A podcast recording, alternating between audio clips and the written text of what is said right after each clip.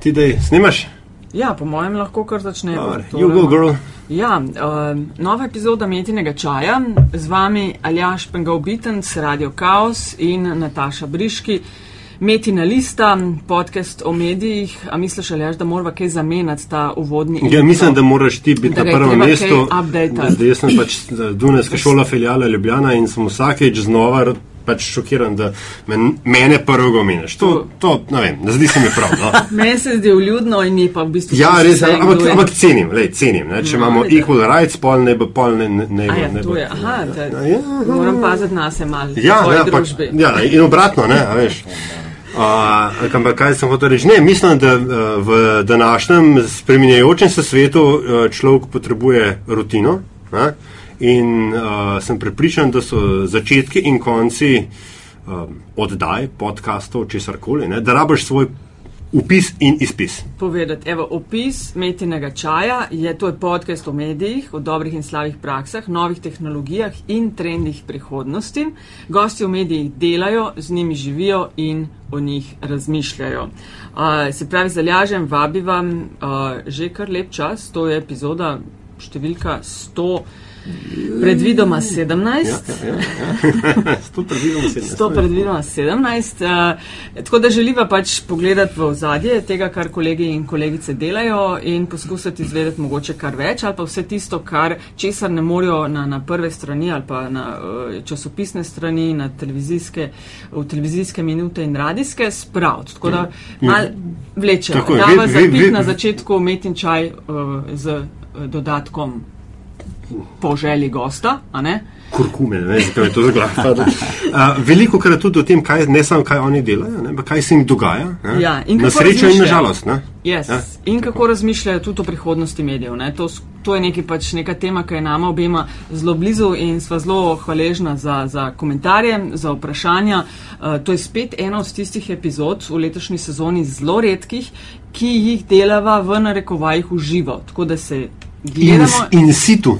Zdaj sem prišel do pravega ne, um, kvazi latinskega izraza. Ne, pač in situ delamo, skupaj smo na istem mestu, skupaj z gostom celo. no, Kar je velik privilegij. Ja. Ja. Tako da smo v radiusu metra in pol uh, in eh, bomo lahko tako brali tudi te uh, druge signale. Veš, kaj delaš preko Skypa, zamujaš kakšno zavijanje z očmi, Ja. recimo pri deležnikih. ne. Ja, Uh, ampak tako, ful sva res vesela za, za maile, ki jih dobiva, za uh, um, vprašanja, pobude, komentarje na Twitterju. Uh, včasih sprejemajo tudi glasbene želje in uh, tudi za, za uh, tokratnega gosta, ki je uh, gospod Branko Soban, zunanje politični komentator in svoje čase tudi dopisnik dela, uh, sva tudi uh, dobila že namige, ej, dejte njega, da zvemo mal kaj o Rusiji. Tako da gospod Branko Soban, pozdravljeni v Metinem čaju. Ja, hvala, me veseli, da ste me povabili. Sva zelo vesela, da ste uh, vabilo sprejeli. Um, naši poslušalci, tako nekako in poslušalkih na začetku, uh, potem, ko se zahvaliva za vse komentarje, tudi za investicije v Metina listo, predstavimo gosta. Nekako tako, da gost eh, nam pove, vi ste sicer znan eh, novinar, znan osebnost, eh, ampak mogoče vsi ne vejo, kaj vse ste vi delali v svoji karieri. A nam lahko mal zaupate, uh, kje ste začeli, kdaj ste začeli, uh, pa mogoče, da se sprehodimo skozi te neke največje mejnike v vaši karieri. Ja, uh, jaz drugač prihajam z Primorske, z Vipavske doline, uh, drugač pa seveda v Ljubljani zaradi študija in službe. Zdaj moram reči, da sem na delu, ki je takrat bil inštitucija, danes pa ni več, uh, že več kot 40 let. Uh, Sveda začel sem kot študent, uh, najprej v športni redakciji, eh, to vedno. Športno ste začeli. Ja, to, to vedno zelo rad povem. Glede na moje izkušnje, je šport v bistvu največja šola novinarstva, nekako, ker se takrat naučiš v bistvu uh, kratko, jedrnato, temeljito, bistveno odgovoriti na vsa tista temeljna novinarska vprašanja, kdaj, kdo, kje, zakaj, kako. In tega se v resnici naučiš na športu, kjer je treba delati hitro, povedati bistveno in tako naprej. Kaj ste pa pokrivali, kjer športi so bili vaši? Ja, eh, seveda, kot študent eh, sem pokrival tako rekoč vse športe. Ne? Eh, pač, Ampak kaj je vaša ljubezen? Ja, te glavne, moja ljubezen so bili. Formula. Ne, ne, to nikoli. Strelstvo. Uh, no, Gimnastika. Uh, moram reči, da sem bil velik fan Raimonda Debelca. Aha, evo. Sem bil z njim na nekaj tekmah, uh, velikih tekmah. Bil sem na tekmi, kjer je postavil svoj prvi svetovni rekord. In to je letos točno 30 let je bilo, marca leta 87, Ciudad de Mexico. Tako da sem bil priča zgodovinskemu dogodku za slovenski šport. Drugač pa, če me sprašujete o športih, seveda uh, imel sem zelo rad te glavne olimpijske športe, ne plavanje, atletika, ne gimnastika. In sem tudi srečal kar nekaj uh, velikih znanih športnikov. Mhm, se pravi, šport, pol so vas pa postali. Ja, pol, pol je pa prišla služba, ne, po vojski so me vzeli v službo. Oh, vi ste še tista generacija, ki ste vojsko mogli služiti. Ja, ja, po študiju, ne, Aha. eno leto. Ali jaš ti nisi, ne? Ti si E, Mene so oro, oropali so me tega privilegija. To na ropi je rekel, jaz sem še na naboru. Na naboru sem bil, ja. Zamudil sem na naboru, so me dali kazansko v Ilirsko bistrico, ker sem kao eskiviral. Ne, Imaš izkušnjo? Wow. ne, ne ampak ne, samo, No, samo za administracijo. Ne. Ja. No, redu je. Potem pa, ko bi moral pa jaz jet, ne, pa to na rop rekel, da to pa zdaj konc, konc. in potem je ta drug to ne grizel, da rekel, da zdaj bomo imeli pa odnos na jutro profesionalno vojsko. in ništa od tega. Ja. Jaz kot vi, jaz sem tak ži, ži, Lepe militarist. zgodbe veš. od- odkrivamo. Ja, s pomočjo gostov. Pravi, ja, hvala lepa, da ste mi pomagali razkriti Ja. to od Alja, Aljaža. Ja, če Se gremo. pravi, po vojski pa služba. Ja, služba, redna služba, zdaj bo leto 40 let, uh, zato tudi pokoj konc leta. Uh, moja ambicija kot mladega novinarja je bila vedno zunanja politika. Seveda uh, v resnih časopisih, njen delo je takrat še bil resen časopis, je ta pot mal dršana.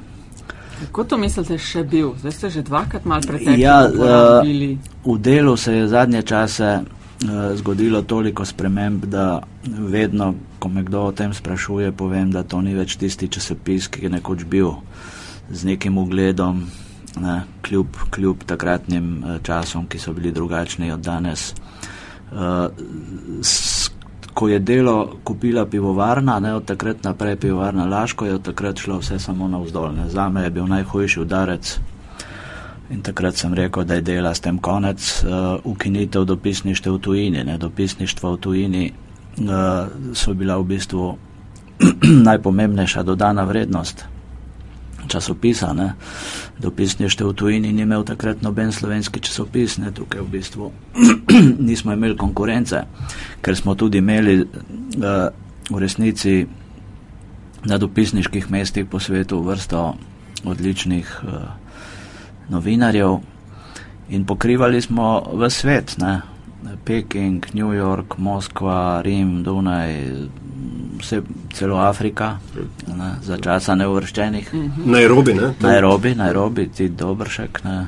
Uh, A mogoče lahko samo sam, to, ne, ker Ja. ja. velja nekako v tej, bom rekel, slavni, ne, nasploh žurnalistični zgodovini, ne, ne samo v slovenskih medijih, da so, da so bila to. t- t- pres- Da so to prestižne pozicije. Ne? Tja, zdaj, a, a se je tja kadre odlagali, ali so se kadri tja šli kalit, ali so bile to pozicije za nekoga, ki je bil na vrhuncu svojih kreativnih novinarskih moči. ja, tukaj ste zdaj povedali vse tri opcije. Ne, eh, okay, če gremo v te detajle, seveda, jaz sem bil takrat eh, še zelo mlad novinar, ne, nisem vedel vsega, ampak v resnici dogajalo, dogajale so se vse te tri opcije. Ne, nekatere so, ki so bili tukaj preveč tečni, so poslali v tujino, da so se jih rešili, zdaj ne bom govoril o imenih. Uh, za mlade novinarje je bil to nekakšen izziv, ne, preizkušanje samega sebe, dokazovanja samega sebe. Jaz bi med te uvrstil sebe, ne, ker je bila pač to moja večna ambicija. In sem veliko krat kandidiral, ampak seveda v tujino sem potem šel šele po razpadu takratne skupne države, Prej to ni bilo možno, zaradi tudi političnih razlogov, pač pošiljali so tudi ljudi, ki so bili režimu nekako bližje. Vse, vse to se je dogajalo. Ne? Ampak svet smo imeli pokrit ne? in zdaj teh dopisništv ni več. Edino pravo dopisništvo, ki še funkcionira, je Bruselj. Uh, spoštujem vse kolege, ampak mislim, da se dopisništvo v Bruslju preveč ukvarja s temi birokratskimi, administrativnimi stvarmi, ni, ni eh, nobenega življenja v tehle, ni pogovorov, ni intervjujev, uh, to pogrešam. Uh, in s tem, ko smo mi ukinili vsa ta dopisništva v tujini, v bistvu nismo več časopis, ki nekoč bil. Ne, in, in prehajamo do paradoksa, ki ni značilen samo za delo, ne, ampak tudi za druge medije. E, svet še nikoli ni bil tako globaliziran, kot je danes, ne, še, na, še nikoli nam ni bil tako blizu, kot je danes, tudi s pomočjo vseh teh novih medijev, ampak v bistvu, in zdaj pridemo do paradoksa, o tem svetu vemo vedno manj, ne, ker nas ni tam. Nas ni tam.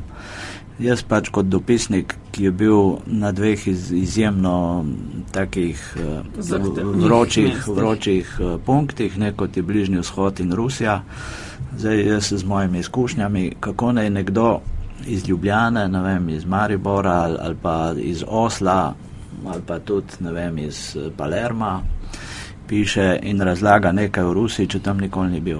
Ne, mislim, tukaj, tukaj prihajamo do paradoksa, ki v bistvu, uh, po mojem mnenju, nekako pokopava pravo novinarstvo. Ampak to zdaj, kar je trend, ne? to je v redakcije, so, tako kot ja. ste rekel, uh, zapirajo se. Uh, to je trend, to je katastrofa. Uh, seveda, to se dogaja v mnogih medijih, ne? čeprav ponekod vidim, prihaja, ne? da nek spoznavajo, da je to bila napaka. In spet pošilja ljudi v tujino, zlasti v teh zahodnih medijih.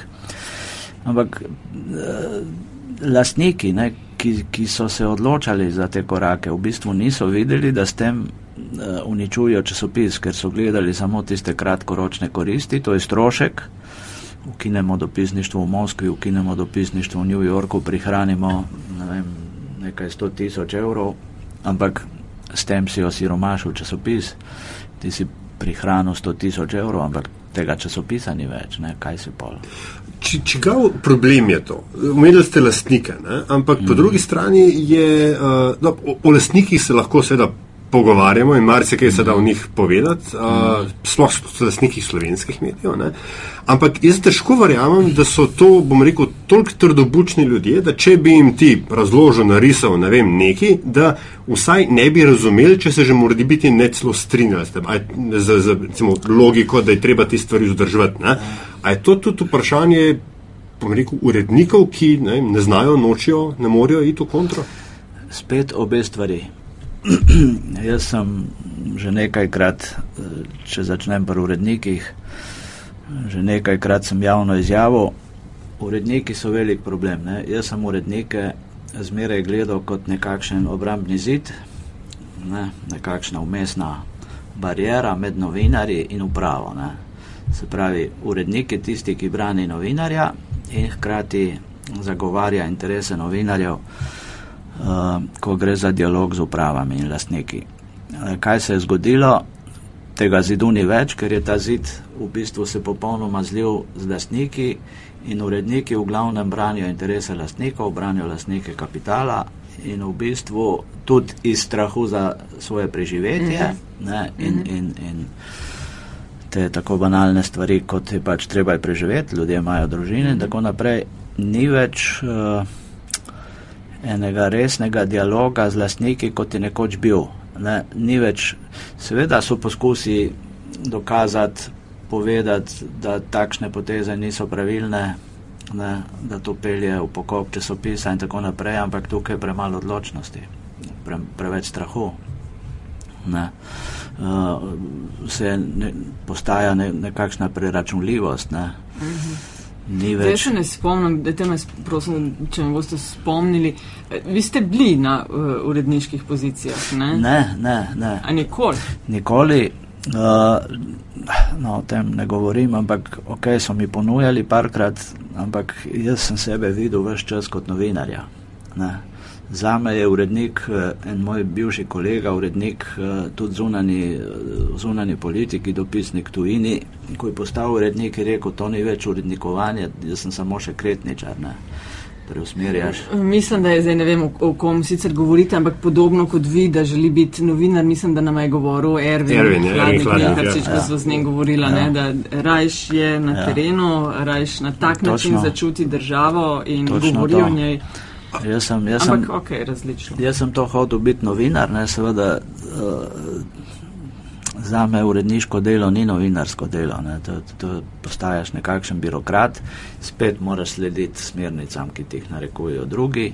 Ne, če nisi dovolj pogumen, če si preveč pogumen, odletiš in tako naprej. Uh, tako da sem jaz, uh, bil sem namestnik urednika, ne parkrat v mlajših letih, uh, to je bilo pa vse, jaz sem hotel biti samo novinar mm -hmm. ne, in sem na tem ustrajal do konca. In potovali in v bistvu ste tako kot ste rekli, 40 let. 40 to let, je kar ja. redko, da nekdo uh, začne uh, in konča in da ima tak konkreten razpon in hkrati, ne, za razliko od tega, kar, kar videvamo in smo priča danes, da niste eno, dve leti v zonani politiki, ampak dejansko to peljete, ne vem, 40 let. Ja, ja, no, seveda večji del moje karijere sem v zonani politiki, ne, kot sem rekel, to sem si želel, to, to sem se boril in si priboril.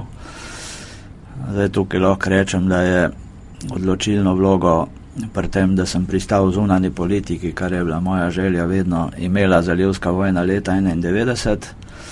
Ne, takrat, takrat smo še bili časopis in so uredniki januarja 91 rekli, zdaj bo tukaj izbruhnila zalivska vojna in mi moramo biti tam. Ne. To je pomembno, mi moramo biti tam, tega danes noben več ne govori.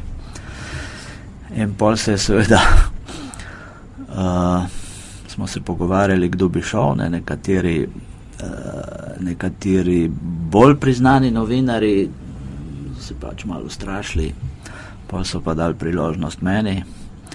Jaz sem tudi bil med kandidati, ta bližnji vzhod me je odnegdaj zanimal. Ne. Ne vem, še kot mulj. No, pa če se ja. vrnemo nazaj, to, ja. to bi me zanimalo. Ne? Vedno ja. se je, da bo vojna. Da, ja. Razumem pomisleke nekaterih, da grejo. Mm -hmm. Vi ste pa to videl kot priložnost. Ampak sem to, ne, da damo kontekst. To je, bilo pač, uh, to je bilo pa obdobje, ko je uh, juga ne samo pač razpadala, ampak ja. je že kar gnila ne, pri, pri živem ja. telesu. Torej, ja. Vojna je bila, no, vohalo se je tudi ja. doma. Ne? Ja, ja, seveda. No, takrat, eh, da bo zalivska vojna, je bilo popolnoma jasno. Ja. Po eh, Sadamovi okupaciji Kuwaita avgusta 90, ne, ogromno stvari v zunani politiki se dogaja avgusta. Ne. Avgust je mesec. Ker? Uh, ker so ljudje na dopustih, no, no, noben se s tem ne ukvarja. Uh, ne vem, avgusta je tukaj zdaj nima vsega v glavi, ampak avgusta je Sadam zasedel Kuwait, avgusta je bil prevrat v Moskvi. Uh, August je mesec, ko se stvari dogajajo, ne, ker je pozornost sveta usmerjena. Kdaj je bil Krim?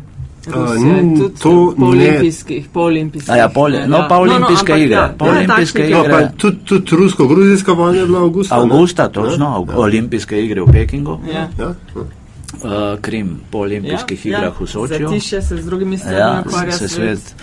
Tako da na take stvari je treba biti pozoren. Ne? Mislim, avgust je mesec za take dogodke. Kaj to pomeni pol zdaj, ko imamo to uh, Katar, Saudska Arabija? Glih to za, se zapenja. Severna Koreja. Ja, se. Ja. glih, glih to se hoto praža. Mogoče vam mislim mečken, kot uh, ja. jaz se kle v teh na, naših pogovorih postavim neko, si ja. pripišem vlogo hodičega odvetnika. Ja po pacu berlinskega zidu in tako dalje, ne, se je uh, nekaj časa zdelo, ne, prosto po Fukuyami, da, da se je zgodovina končala. Uh, in morda se je marsikomu, tudi v zahodnih medijih pardon, in tako dalje, zdelo, da pač um, vsega tega aparata, ne, ki, ki je obstajal, ne, zato da smo imeli zgodbe za razne konce sveta, da je skupaj s hladno vojno logiko ta postal odvečen, ne, obsoleten. Danes se mi pa zdi, ne, da, se, da se vrača nazaj v velikem slogu, ne, vsa ta hladno vojna retorika, pozicioniranje zunanje geopolitika, realpolitika in tako dalje. Ne? Točno to. Ne? A je mogoče, ne, a gre mogoče za to, da, so, da je biti tam, ne? Ne, da je spet pomembno, za razliko od tega, da je bilo vedno pomembno, da je pač žurnalistom hotel slediti trendu, pa se je trend prehitro obrnil. Ja, uh, no, takrat, ne, takrat so se stvari v resnici dogajale kot v Formuli 1. Takrat se je s padcem Berlinskega zidu so se začele strahotne spremembe, razpad, razpad Sovjetske zveze, razpad Jugoslavije. Ne, ampak eh, tu sem mislil dodati, ne, avgust 90, eh, zasedba Kuvajta, vsi smo vedeli, da bo vojna, ne, ker pač ni bilo druge opcije. Ne, Sadam eh, se ni pustil, se ni hotel nič dopovedati. Ne, ampak za Jugoslavijo ne, pa moram reči, da ogromna večina ljudi pa ni računala na vojno. Uh, ampak povem tukaj, sem se pač spomnil, jaz sem bil na zadnjem kongresu partije, ne, uh, leta 90 v Beogradu. To je 14. kongres. Ja, ja, zadnji. To je tako, ki je Sonja Lokar šla v Beograd. Sonja Lokar, ki je Sonja Lokar odšla, slovenska delegacija odšla. In še danes se živo spomnim eh, tistega večera, ne, to se je dogajalo proti večeru. V centru Sava, ko slovenska eh, delegacija od koraka, seveda v delovi ekipi, ne, tam nas je bilo na tem kongresu, ne vem, kakšni štirje, štiri, pet novinarjev, preletijo vsi tuji dopisniki, ne, v naš tam smo imeli en kot, kjer smo pisali. No, najbolj, najbolj preplašeni so bili italijanski kolegi, ne, in men vpraša, ne, jaz tam tipkam, tipkam, takrat so bili še pisalni stroji, in me vpraša, kaj bo pa zdaj, ko je Slovenija odšla, jaz rečem v italijanščini La Guerra. Vojna. Vojna. Ni bilo več druge opcije. To je bil uvod v vojno, na katero niso seveda, mislim, ogromno ljudi ni računalo, ampak je bilo jasno, ne, ker tistih konfliktov, razhajanj, eh, političnih nagajanj, In, in, in še kaj hujšega se ni več dalo reči na drug način kot samo z vojno, ne mislim. Ampak noben, Se pravi, vojna je bila neizbežna, ampak spet noben pa ni verjetno razmišljal, da bo tako krvava in tako kruta. Mislim, to, to je bilo pa nekaj najbolj krutega, kar se je dogajalo v Evropi po drugi svetovni vojni in mene je kot državljana tiste države še zaradi tega še zdaj sram, ne mislim. Uh, je, grem rad v Sarajevo, vedno grem v Srebrenico, ampak to v resnici človek ne more verjeti, kaj so ti narodi, ne, ki so živeli v bratstvu in enotnosti, ne, mislim, neki uh mhm. -huh. očitno samo na videzni slogi in ljubezni, ne, kaj so pol počeli drug drugemu. To je bilo v resnici katastrofa. Uh mhm. -huh. A pa je bil eh, Bližnji vzhod neke vrste um, izhod? Uh, po, po, tej vojni, po tej vojni v Jugoslaviji je bil Bližnji vzhod takrat v resnici. No, seveda, tam so nenehno se dogajajo konflikti. Tudi takrat so se, ko sem bil jaz. Ne. Jaz sem šel na Bližnji vzhod pol leta 91, ne, po naši vojni. Ne. Naša vojna je bila junija, jaz sem šel septembra 91 v Kajro, ne, ker smo se odločili, da bomo imeli Kajro punkt. Takrat smo, je bila debata Kajro ali Jeruzalem in jaz sem čisti iz pragmatičnih razlogov sem rekel, če si nastanjen v Izraelu, ne moreš potovati v arabski svet, zaradi zarad štempilk uh mhm. -huh. in vis in tako naprej. In uh, smo se pač po tem mojem razmišljanju odločili za Kajro, ne? ker jaz sem hotel videti arabski svet. Mislim, se je fajn, jaz, jaz sem ne nehno hodil v Izrael po parkrat na leto. Ne? Ampak, uh, če hočeš videti arabski svet, moraš vedeti v arabskem svetu. Mm -hmm. Tudi zaradi teh pragmatičnih potovalnih uh, stvari. Uh, je, v primerjavi z Jugoslavijo je bil takrat Eh, Bližnji vzhod v resnici bolj miren. Ne, tudi so se dogajale, takrat so se začele dogajati uh, v bistvu velike zgodovinske stvari, ne, mirovni sporazum iz Osla. To je bil zgodovinska prelomnica za Bližnji vzhod, seveda stvar je propadla. Zelo hitro, jaz to, ko pišem o tem, rečem, da je stvar spet bila obsojena na propad, ker so vse ključne stvari, ne, to je bila usodna napaka, tukaj so mali izraelci tudi zmanipulirali palestince, ne, seveda so bistveno spretnejši pogajalci ker so vse ključne stvari preložili ne, na, na, na prihodnost. Ne. Ampak na ta način nikoli ne more biti miru, ne, če odložiš vprašanje beguncev, če odložiš vprašanje vem, uh, Jeruzalema in te ključne teme, ne, in pol je Oslo bil obsojen na, poprat, na propad. Ampak krati, ne, uh, seveda, to še ne pomeni, da je bil takrat na Bližnjem vzhodu mir. Ne.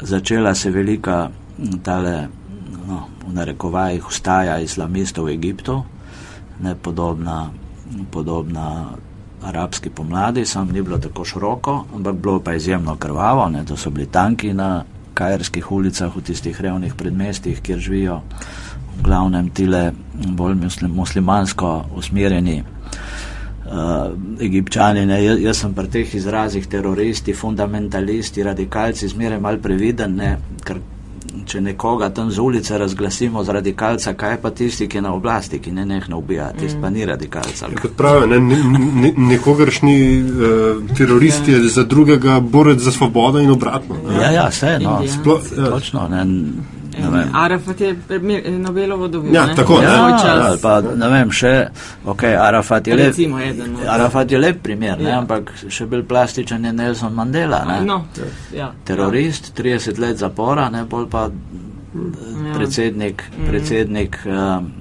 prvi tam napolti predsednik Južne Afrike, ne vem, gre kar zona. Mm. Uh, ko je postal, ko je postal uh, predsednik Južne Afrike, je prišel v Kajru. V Kajru je bil uh, uh, tale vrh Afriške enotnosti, ne, se je takrat imenovala ta organizacija, zdaj je Afriška unija. In je nagovoril seveda to občinstvo, uh, vse predsednike vseh afriških držav, goste iz celega sveta in stavknem en gre kar zona, ko se to spomnim, je začel svoj govor ko ste vi, ja, en jubilej je bil te organizacije uh mhm. -huh. Afriške enotnosti. Pravi, ko ste vi ustanavljali to organizacijo, sem jaz sedel v zaporu. Cela dvorana, čisto tihne, vsem je bilo malo narodno, niso vedeli, kaj je polih rešil Mandela, ki je nadaljeval svoj govor. mm -hmm. njega, no, on je v bistvu no, Mandela, Arafat, še so taki primeri, ne, nekoč terorist, pol ja. bojevnik, Nobelov nagrajenc, ja. bojevnik za mir, šef demokratične države. No, pa tako, ko, ko potujete po svetu, ne, ste spoznavali in poročali o drugih državah, me pa zdaj zanima, če se mogoče mal obrnete, pa kaj Slovenija, po vašem mnenju, dela na, ne vem, evropskem svetovnem parketu. A vemo, kaj delamo, vemo, kdo smo. Kako gledate pa na ta del? Ne?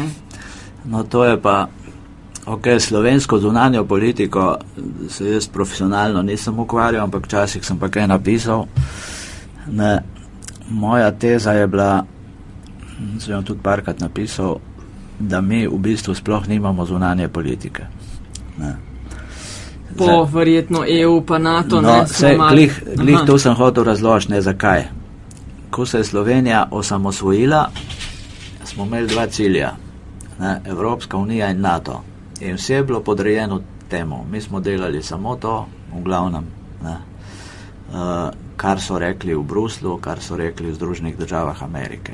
In to ni za me zunanja politika. Ne. Hkrati zaradi teh dveh ciljev, ne, ki sta okupirala vse drugo, smo pa zgrešili en kup stvari. Ne. Popolnoma smo obrnili hrbet Balkanu. Ne. To, to, bi lahko, to, bi, to bi bilo res, jaz bi tudi rekla, no, ja, ena, ena ja. večjih napak, ko bi lahko igrali aktivno vlogo točno pri vzpostavljanju. Točno to. No, lahko bi se prodajali Evropi in svetu kot največji poznavalci Balkana, se smo živeli skupaj. Sej se, ne? še vedno. Ampak, ja. namreč, uh, zdaj spet, ne, hodič odvetnik in tako dalje, če jaz prav ja. razumem ta, bom rekel, um, razkol med uh, takrat Kučanovo in Drnovško zunanjo politiko, ne, je bil ravno ta, da je Drnovšek pač uh, dost bolj bil proponent euroatlantske integracije, zato da nas je tudi v glavah zahodnih politikov ločil od krvavega, krvavega ja, Balkana. No, Mo mogoče zdaj kot kontrargument, da ne, ne, ne moreš z besedami Borisa Johnsona, ne, bi to pomenilo, da bi imel torto in jo pojedel. Ja. Skratka, da ne moramo sedeti na, dve, na, na dveh stolih hkrati. Mogoče je večji problem ta, ne, da se dan danes, ko smo dejansko izgubili te stike, ko, na, ko so nas gospodarsko prehiteli in Avstrici in Nemci ja, in tako dalje, in Slovaki na, ja. na, na Balkanu, tudi kar se investicij tiče. Ne, se mi sami sebe še vedno imamo za poznavalce Balkana, pa to v resnici nismo več, ali pa nismo več ne. vsaj tako zelo, kot smo bili. Ne. Točno to, mislim, se strinjam. Zakaj nismo? Ker smo preveč zamudili. Ne. Vse smo zamudili. Tako, mi smo ne. deset let ja. stran, so drugi prišli in zasedli ja, ta prostor. Kot, dobro, kot ja. pravi Ciril Zlobec, zamudili smo vse, kar se je dalo zamuditi. Uh, seveda bi se zdaj vračali. Ne. Tudi Višegrajsko, ja. ne? No, vse smo, Višegrad, tudi. Tudi no, smo rekli, mi ne ja. bi tam, ne, mi bi ja. Francijo, ja, ampak, Ameriko, a, a, a, a, ja. a zdaj pa bi bila v Višegrajsko skupini. Ja, no, hvala Bogu, z Orbanom pa unim. No, ampak se ni treba, da so skupine, ampak no, ja, vi ja. povejte. ne, ne, se to, so, to, to sem hotel tudi jaz omeniti, ne, to so bile zamujene priložnosti. Jaz najprej vidim tukaj Balkan, ne, ker smo pač tukaj živeli, mislim, če pa, ok, vsi ne, ampak mi smo poznali Jugoslavijo, ne, mislim, jaz sem jo kot novinar, skoraj da ni vasi v Jugoslaviji, kjer, kjer nisem bil kot novinar. Ne. Politika je tukaj obrnila hrbet, seveda postavlja meje, ne, tukaj to, to je njihovo. Nimamo mi nič s tem, nočemo naslediti, ja, nočemo služiti in, tam, nočemo svetovati tam, nočemo točno, nič. Ok, pa pa nič. Uh, in se pravi, tukaj nismo zamujali samo politično, tukaj smo ogromna ekonomska izguba, ne, ti problemi z Ljubljansko banko, ja, Madonna. Če bi to rešili takrat, bi Ljubljanska banka bila danes glavna banka na Balkanu, mislim. In, in, in tukaj uh, velika zamujena stvar so bile neuvrščene države. Ne. To je bil pa tak kapital, ki ga je Slovenija podedovala po Jugoslaviji, ne.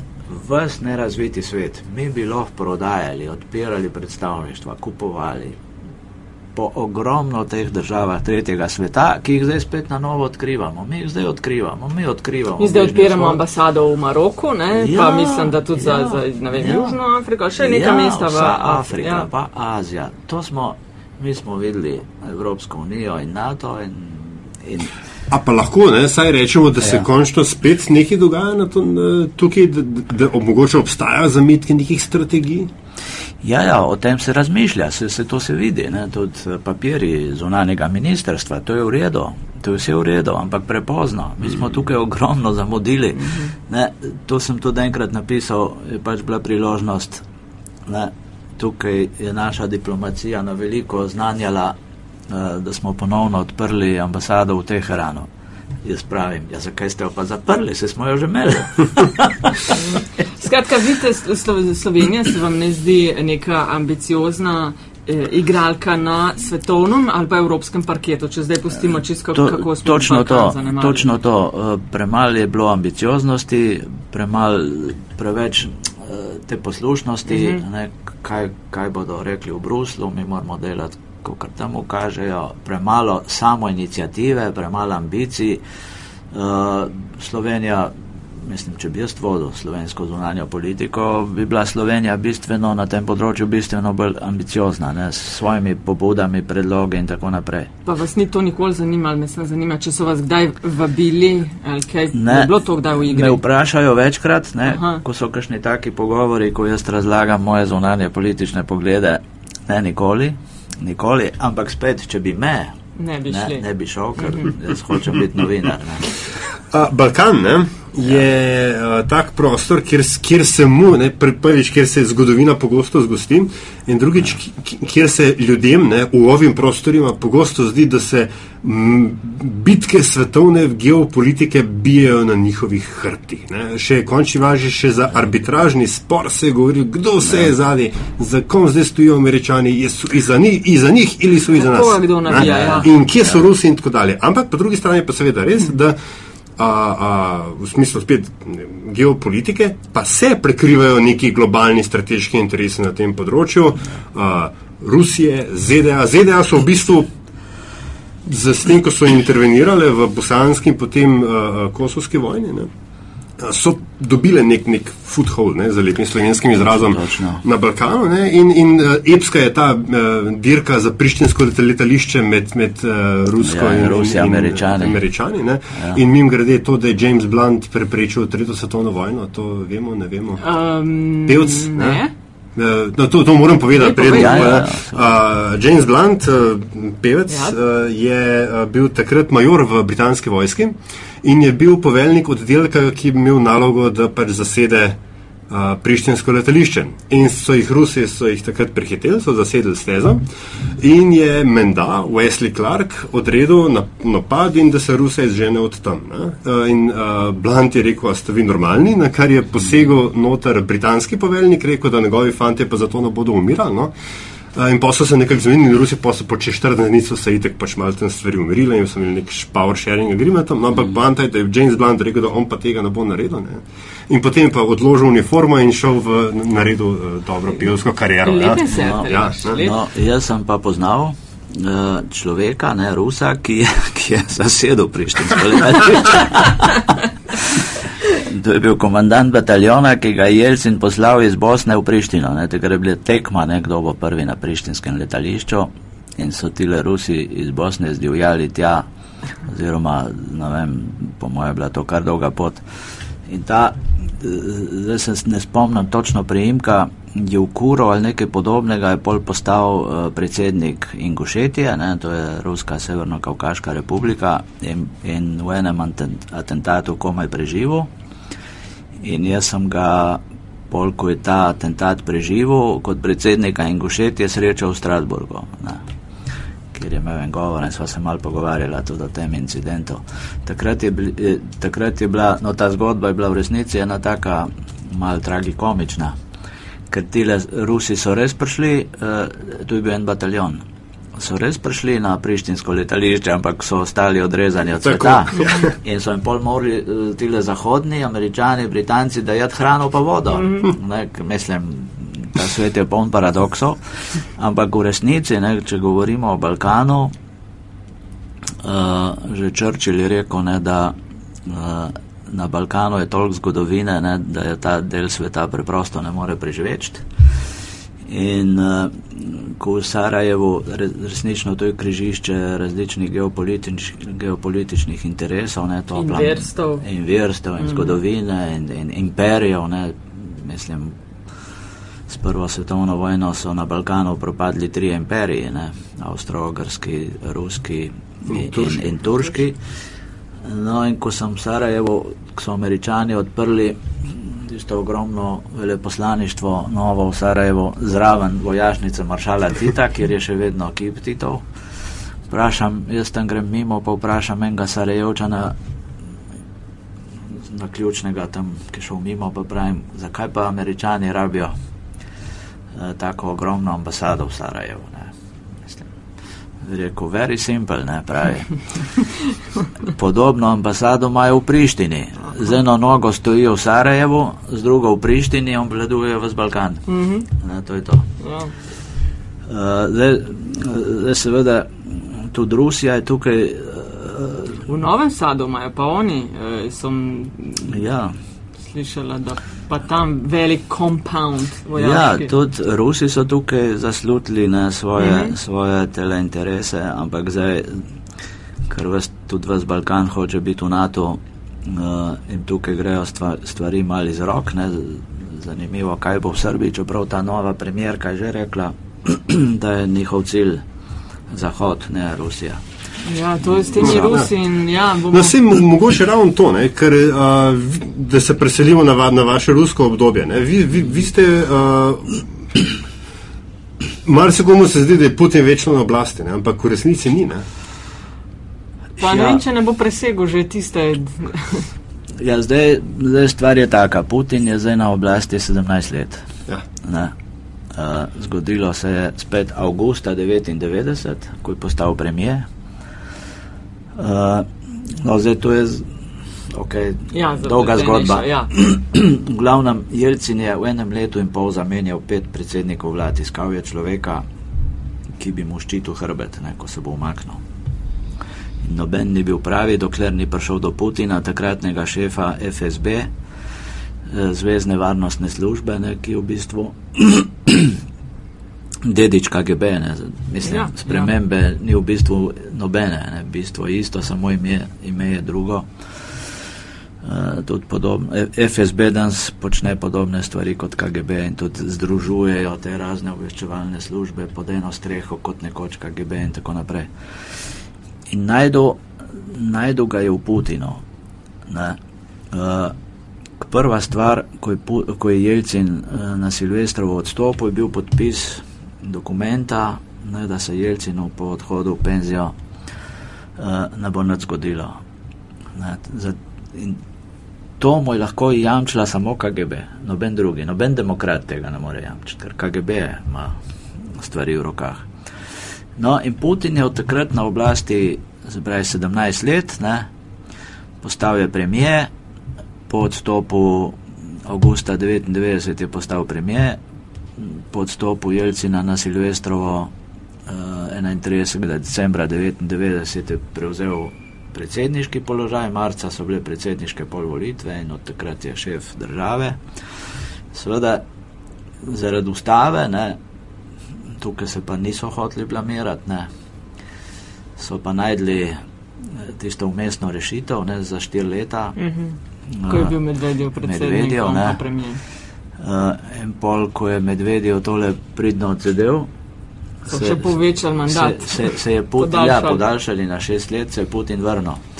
Le, le, uh, to rad povem, uh, moj kolega britanski iz Guardiana, ki je bil izgnan iz Rusije, Luke Harding, je napisal eno fenomenalno knjigo, ne, pa ga vprašam, kako pa kaj ta tandem Medvedjev Putin. Pravi, to ni noben tandem bil, to je bil, to je bil kolo z otroškim sedežem. ja, Medved je bil izvajalec dela, ja. ne pa kogu. Okay, no, zdaj pa, zdaj pa seveda uh, drugo leto imajo, se pravi, Putin je zdaj šest let, ne? zdaj ta šestletni tretji mandat gre k koncu. Marca, marca 18 uh, eh, so nove volitve, po ustavi je lahko še en mandat in s temi, zdaj 17 in 7 bo 24.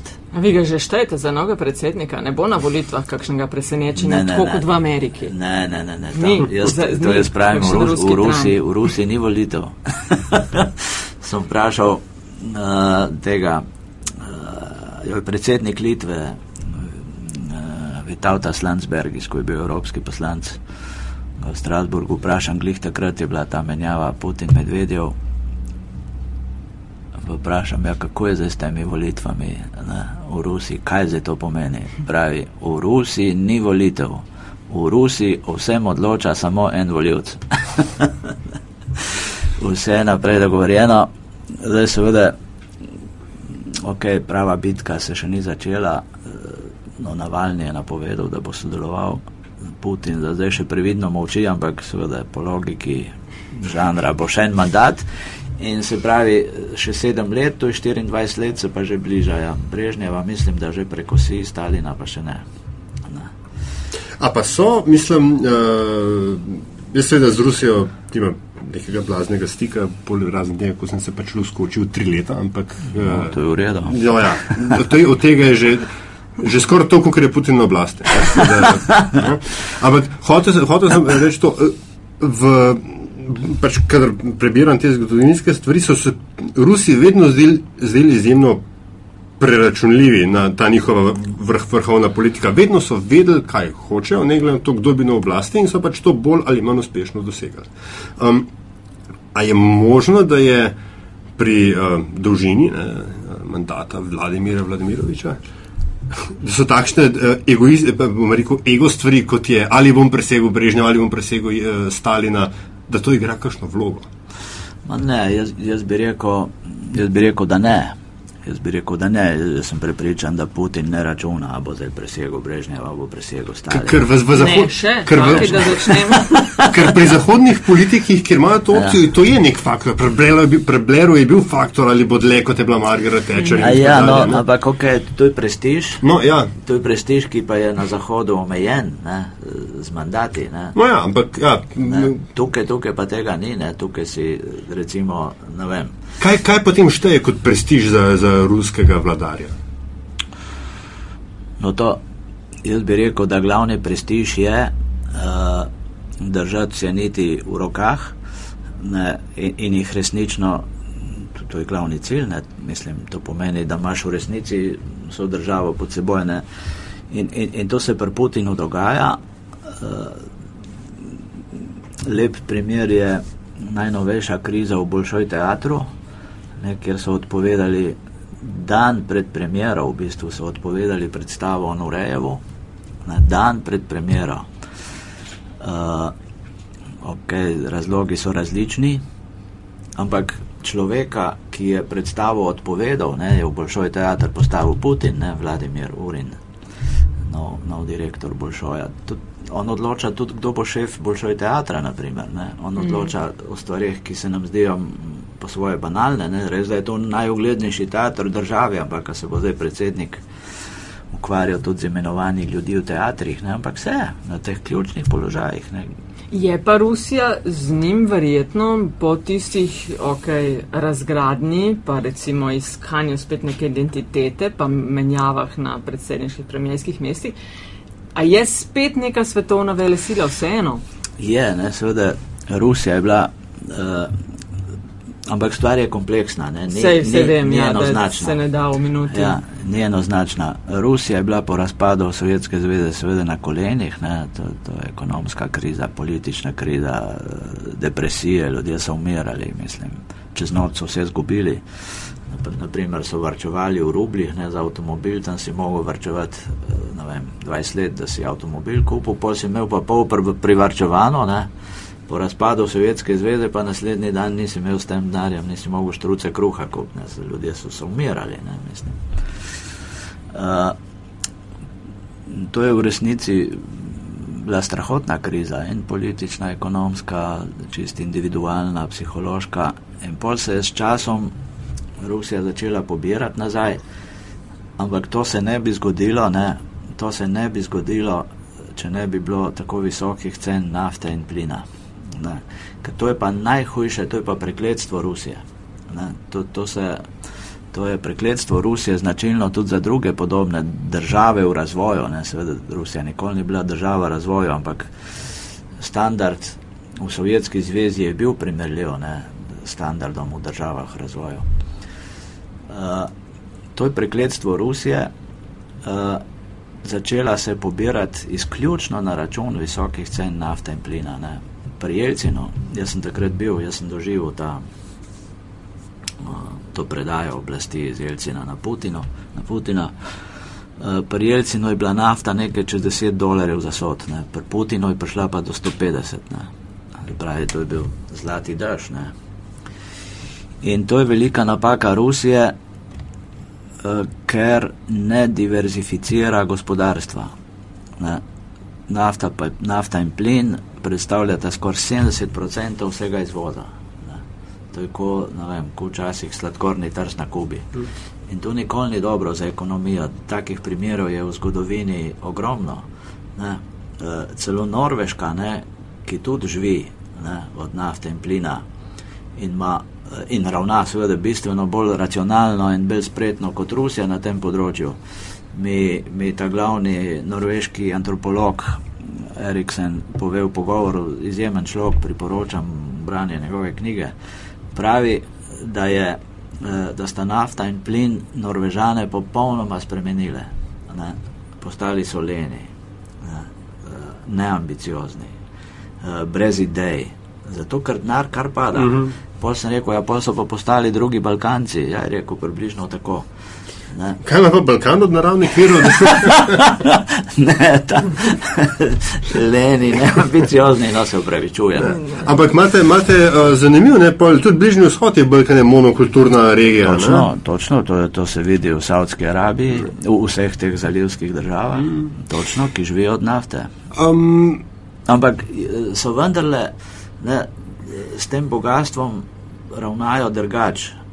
Mislim, malo, no, drugače ravnajo kot Rusi. No, Rusi, Rusi niso člani OPEC-a, oni, ne, oni nimajo tega, niso ja. del teh kartelnih dogovorov. Ne, in, niso, ampak Uh, zdaj je na robe hodilo, Ja. ko je cena nafte Tako. padla in so poskušali s Saudsko Arabijo se dogovarjati o kvotah.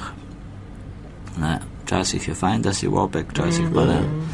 Ampak v redu. Uh, Rusija je šla skozi uh, tranzicijo na ravni, ki si jo mi, kljub samo, da smo veliko dal skozi in težko predstavljamo, že zaradi obsega države ne, in, in, in uh, tudi, bom rekel, ideološke fiksiranosti v m, tem, rekel, bolj komun, že bolj komunizmu kot so, socializmu. Ne. Uh, Jelcenova doba je pač bila kakršna bila. Bill Clinton bi rekel, da je bila super, marsikdo v Rusiji se bi se ne strinjal. Ne. In potem pride pač nek Putin, ki uh, da tisto, za kar ne, spet v uh, rekel, kmečki logiki, ne, zdravo razumski, naj bi ne, veliki narodi vedno iskali nek, nekega velikega voditelja, ki jim bo pač uh, dal nazaj ponos, držo in mogoče celo uh, uh, ma- i- uh, izboljšal pogoje bivanja. In zdaj, če pogledamo za, nas, za nazaj, se zdi, da je Putin to vendarle izvedel. Ja.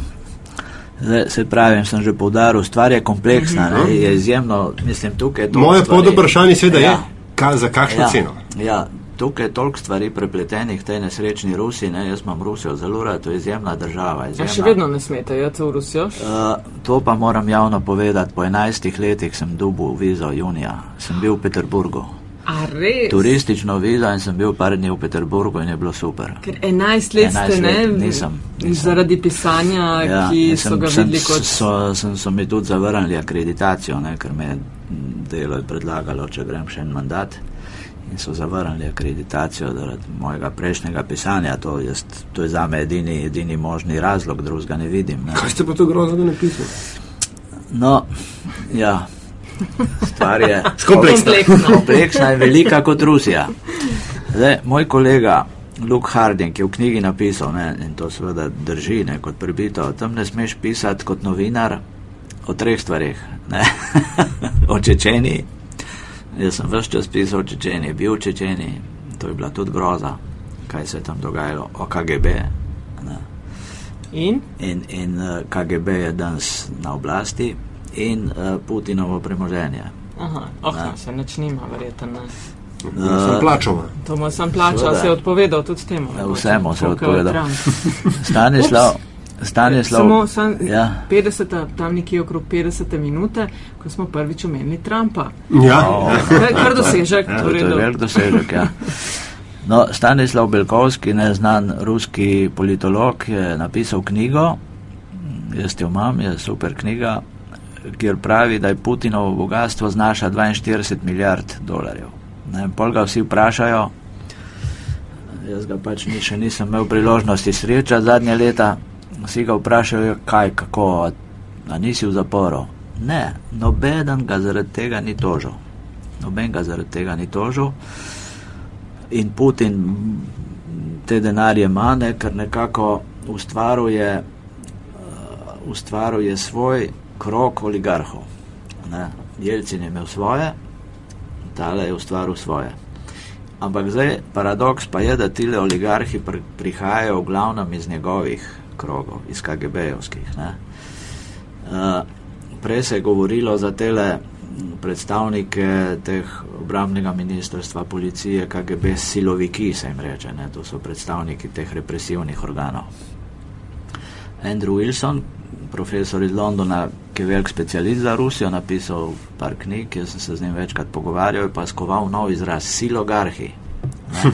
Pravi siloviki plus oligarhi, ne? Dobiš silogarhe, to so Putinovi ljudje. In nekako, seveda, dokazov ni, papirjev ni, vsi tile morajo en del denarja pošiljati na Putinove račune, kjerkoli pač so. Ampak zdaj, uh, Putin je to državo, v resnici ogromno državo, ki je prekrasna država, jaz jo imam rad, ne mislim, to, to so izjemne stvari. In Jaz, sem- Sankt Peterburg je krasno o, mesto. to je eno no. najlepših mest v Evropi, to priporočam vsak, Mm. moraš, to je biserno. Zlasti junija, ne, treba je iti junija, ko so bele noči. noči, Ja. Eh, Putinov minusov je ogromno, ampak mislim, njegova največja napaka je v tem, on je ujetnik te preteklosti. On je človek preteklosti, on je človek KGB-ja. In to se mu pozna. On je njegova znamenita izjava, ne, ki jo vsi citirajo, razpad Sovjetske zveze je bil največja geopolitična katastrofa 20. stoletja. In njegova ambicija kot šef države je povrniti nekdanjo moč in ugled mm -hmm. in delno obnoviti nekdani sovjetski imperij. Ne? Njega muči uh, sindrom manjkajoče okončine, se temu reče. Ne? Ti si izgubil Ukrajino, si izgubil celo Srednjo Azijo in to kot invalidi, ne čutijo, invalidi čutijo nogo, ki jim manjka. Ta sindrom njega muči. Od tukaj napad na Ukrajino, ne, vojna v Gruziji, brez Ukrajine, ampak tukaj so se mu načrti sesuli, ne, brez Ukrajine, ki je strateško pomembna kot most med Rusijo in Evropo, ni delne obnovitve Sovjetskega imperija.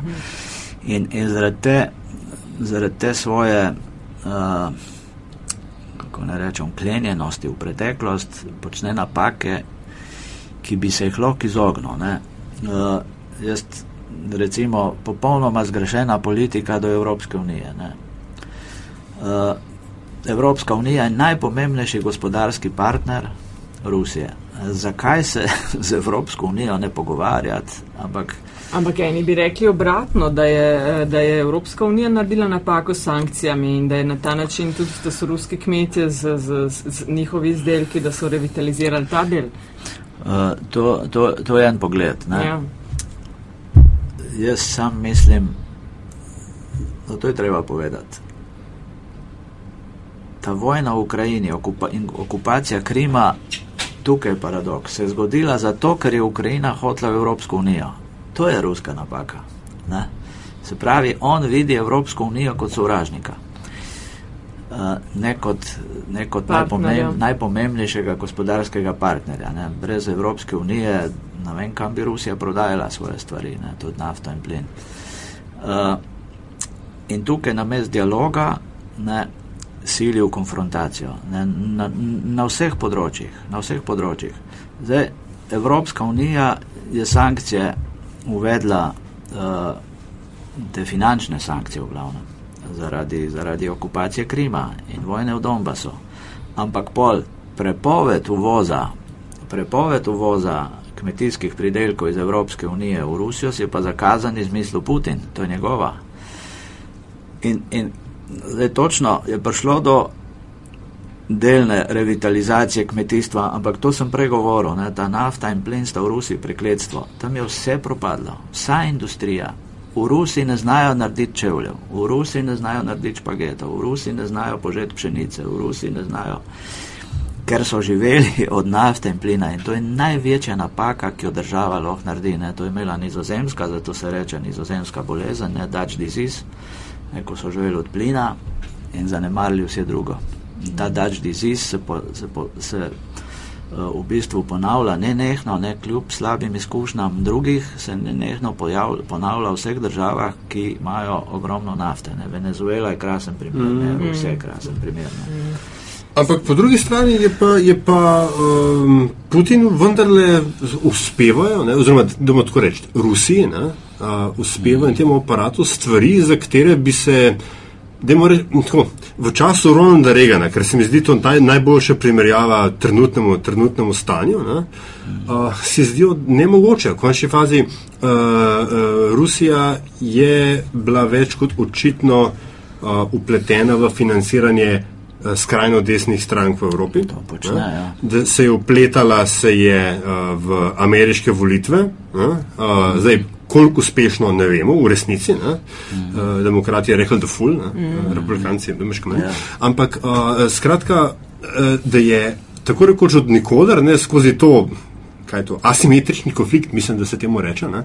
Uh, Eh, da projicira to svojo moč na načine, na katere uh, Zahod, uh, Evropska unija, ZDA, nima nekega resnega, resnega odgovora. Da je naredila nek korak naprej, ki ga, kot mogoče z samim konfliktom oborožene v Ukrajini, nihče zares ni pričakoval. Ja, seveda, jaz bi tukaj rekel, da Rusija počne v bistvu nelogične poteze. Ne? Zakaj financirati desnico v Evropi? Ne? Mislim, jaz ne vidim.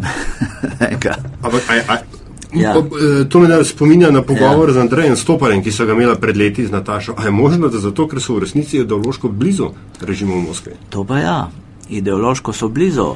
Ne, zdaj, okay, spet tema, o kateri lahko govorimo tri dni. Ne.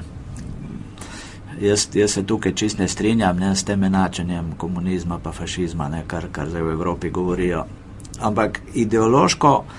Uh, kje, kje najdejo, ne, kje najdejo uh, gibanja, stranke, opcije, ki recimo niso na isti valovni dolžini. Ne. Jaz Putina ne bi enačil uh, skrajno desnico v Evropi, ampak kje najdejo stične točke skupnim novalcem? Na sprotovanju Evropski uniji. Mm -hmm. ne, in pol mm -hmm. tukaj pride do sinergije. Mm -hmm. In zato ta proces, ne, ki, ki je nelogičen, ne, jaz, jaz sem se v Parizu uh, pogovarjal s profesorco z Univerze Ren, ki je napisala fenomenalno knjigo Le Rezo de Kremlin en France, ne, kremeljsko mreže v Franciji. Ko to knjigo prebereš in kot jo, kot jo ona to razlaga, oni so v Franciji prisotni povsod, povsod imajo svoje ljudi, ne, ker vidijo v povezovanju, ne financirali so Marine Le Pen, ne, mm -hmm. z, rdečo, z, rdečim, z rdečo preprogo so jo pričakali v Kremlju. In ona je bila Marine Le Pen v Kremlju večkrat, ampak nikoli niso tega javno uh, uh, pokazali, razglašali, razglašali do momenta pred francoskimi volitvami. Mm. Takrat se je pa lahko javno pokazalo v Kremlju. Mm. Uh, tukaj jaz ne vidim, kot pravim, ne, jaz, če bi bil v Moskvi, jaz bi se z Evropsko unijo pogovarjal, ne, mm -hmm. ker pač brez Evropske unije težko preživiš, ne vidim, jaz tukaj neke logike da podpiraš popolnoma vse fašistične, neofašistične, skrajne desne partije v Evropi, ne, na Mačarskem in v Franciji in na Nizozemskem in v Avstriji, ne štrahe. Ne vem, uh, Se pravi, imamo na eni strani zdaj uh, Putina, Make Russia Great Again, ja. uh, na eni Trumpa, Make America Great Again, o čemer na kateri koli dogodek na svetovnem političnem odru se uh, omenja uh, ta dva politika, seveda državi najmočnejši in najpomembnejši. Kdo po vašem mnenju, preden počas uh, postavimo piko v našem pogovoru, kdo po vašem mnenju nekako zmaguje ta trenutek? V dvoboju Združene države Rusija. Ja, Trump, Putin, eh, poteze na svetovnih eh, prizoriščih zunanje političnih, ne seveda. Jaz bi rekel, da. Kdo vidi dlje trenutno? Ne? Jaz bi rekel, ok, brez Donalda Trumpa bi bilo to, na to vprašanje lažje odgovoriti. Uh, ampak kljub vsemu mislim, da tukaj američani imajo, vidijo dlje. Ne, mhm. Vidijo dlje imajo jasno, eh, seveda problem je Trump, ne, ki vidi, vidi samo tisto, kar je zraven njega. Zdaj, če govorimo globalno o ameriški politiki, ameriški, eh, ameriška politika vidi dlje, ima bolj jasno izražene interese, eh, medtem ko je Putin in, in to je njegova napaka, je, on je taktik, on ni strateg. Ne. Jaz sem, jaz sem celo rekel enkrat na enem pogovoru, da vidi samo šest tednov naprej. Ne, zakaj šest tednov naprej? Zato, ker je šest tednov pred olimpijskimi igrami v Soči ne izpustil Pusi Rajo, pa Hodorkovskega, pa aktiviste Greenpeace, -hmm. hudiča, zakaj jih ni pol leta prej, eno leto prej, se je vedel, da bodo olimpijske igre. Ne, tukaj je ameriška politika mal bolj uh, mal usmerjena Eh, na področja, kamor hoče, čeprav seveda je tudi, uh, jaz sem izjemno, mislim, zelo sem kritiziral ameriško politiko ne, po, po 11. septembru, ne, ker se je izkazalo, da ta, ti ameriški posegi v Iraku, v Afganistanu so bili popolnoma kontraproduktivni. Ne. Tudi oni tukaj niso videli. Ne. Že ženski, kakršen koli je bil. Ja, kakršen koli je bil, on je odsvetoval napad na Irak, ker je videl, kam bo to pripeljalo. Zdaj, vsi vidimo, kam je to pripeljalo. Ne? Jaz sem to tudi napisal večkrat, islamska država, ne, ki sicer zdaj se gre k koncu, je nastala izključno kot rezultat ameriške vojne v Iraku. Ne. To je bila v bistvu staja sunitskega dela prebivalstva, ki je bila po potem ko so šiti dobili oblast v Iraku, ne, so postali popolnoma marginalizirani in uh, v bistvu je bila islamska država nekakšna sunitska vstaja iraškega prebivalstva. Preden zaključimo, moramo reči nekaj o um, odnosu ne, do medijev. Uh, konkretno, sem, uh, tik preden smo ta pogovor posneli, se je, zdaj, ne morem spomniti, ali se je čist zaprl ali pa sam šel, sam šel na spletno edicijo The Moscow Times, ne, uh, časnik v, Moskvi. v Moskvi, ki je vzhajal v angli, ang, angliškem jeziku. Uh, biti novinar v Rusiji dan danes je smrtno nevarno. Ja, zelo. Uh, pa tudi, končni fazi, biti novinar v ZDA ta hip ni najbolj prijetno. Ne? Mm. Kaj se gleda dogaja? Ja, uh, nič dobrega za medije, ampak jaz pravim, mediji morajo ustrajati uh, v svoji funkciji, ne, mediji so tisti, ki nadzirajo oblast in pri tem morajo ustrajati. In točno to se vidi, ne, Donald Trump, na koga se najprej spravil, na medije, ne, na medije, ki se ne strinjajo z njegovo politiko. Uh, vsaka oblast hoče medije zatreti, si jih podrediti, nadzorovati. Uh, v Rusiji te ubijajo, v Ameriki vem, se, se to na srečo še ne dogaja. Ne, moja kolegica Ana Politkovska je umrla samo zato, ker je pisala resnico o Čečeni. Ne, ne vem, če je, to, uh, če je to res v resnici uh, pameten recept, da, da uničuješ medije in si jih podrejaš. Ne. Ampak mediji, mediji pri tej svoji poziciji nadzor nad oblastjo morajo ustrajati ne, za vsako ceno, tudi, tudi za ceno žrtev. Ne. Ker pol nek oportunizem, nek pragmatizem, kar se dogaja, marsikje, ne tudi v Sloveniji, to ne pelje nikamor. To je pokop novinarstva in, in ne vem,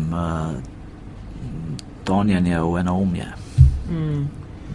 Strašno zanimivo, morate nam obljubiti, da še pridete na met in čaj, ker je še za poklepetati še par kubikov. Tem. Ja, ja, dobro, z veseljem. Končujeva pa vedno, gospod Soban, najne podcaste s tem, da gosta oziroma gostjo vprašava po neki zanimivosti, anegdoti, zgodbi, nečem, kar. Uh, mogoče je iz ozadja nekega backgrounda njihovega novinarskega, lahko pa čist preprosto je kaj zanimivega, ne vem, prebral, počel pa bi rad uh, še koga drugega na to upozoril. Tako da, evo. Ja, Zdaj smo na tej točki. Vem, takih dogodkov je bilo v moje, moje karieri mislim, v, re, v ja. resnici ja. ogromno. Ne. Jaz bom omenil dva, če smem. Prosim, ja.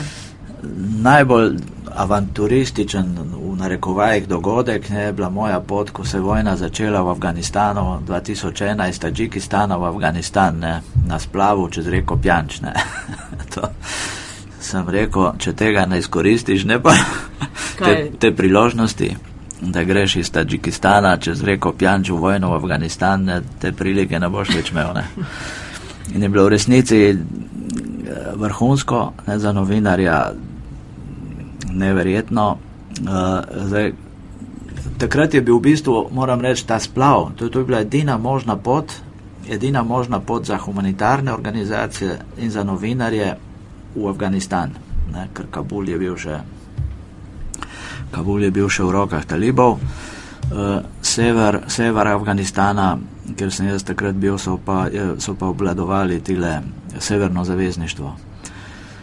In je bila to v bistvu edina organ, tudi tovornjaki s humanitarno pomočjo so tukaj vozili čez. Mm -hmm. To so bili ogromni splavi, na katerega je lahko šel en tovornjak.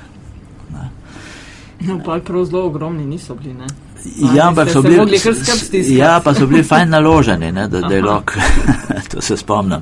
No, tudi orožje je šlo tam čez. No, ampak pol, ko pridemo čez, ne, uh, nas je bilo ene deset novinarjev, uh, pa pravijo tile iz severnega zavezništva, Afganistanci, pravi tam, talibi so par kilometrov proč, 50 tisoč dolarjev nam ponujajo za vsakega novinarja. Jaz sem rekel, pa nas ne boste prodali. Ne, ne, ne, ne, we are friends. no in pol pridemo, takrat je tukaj gori bila v bistvu prestolnica Afganistana, Hodža Bahaudin.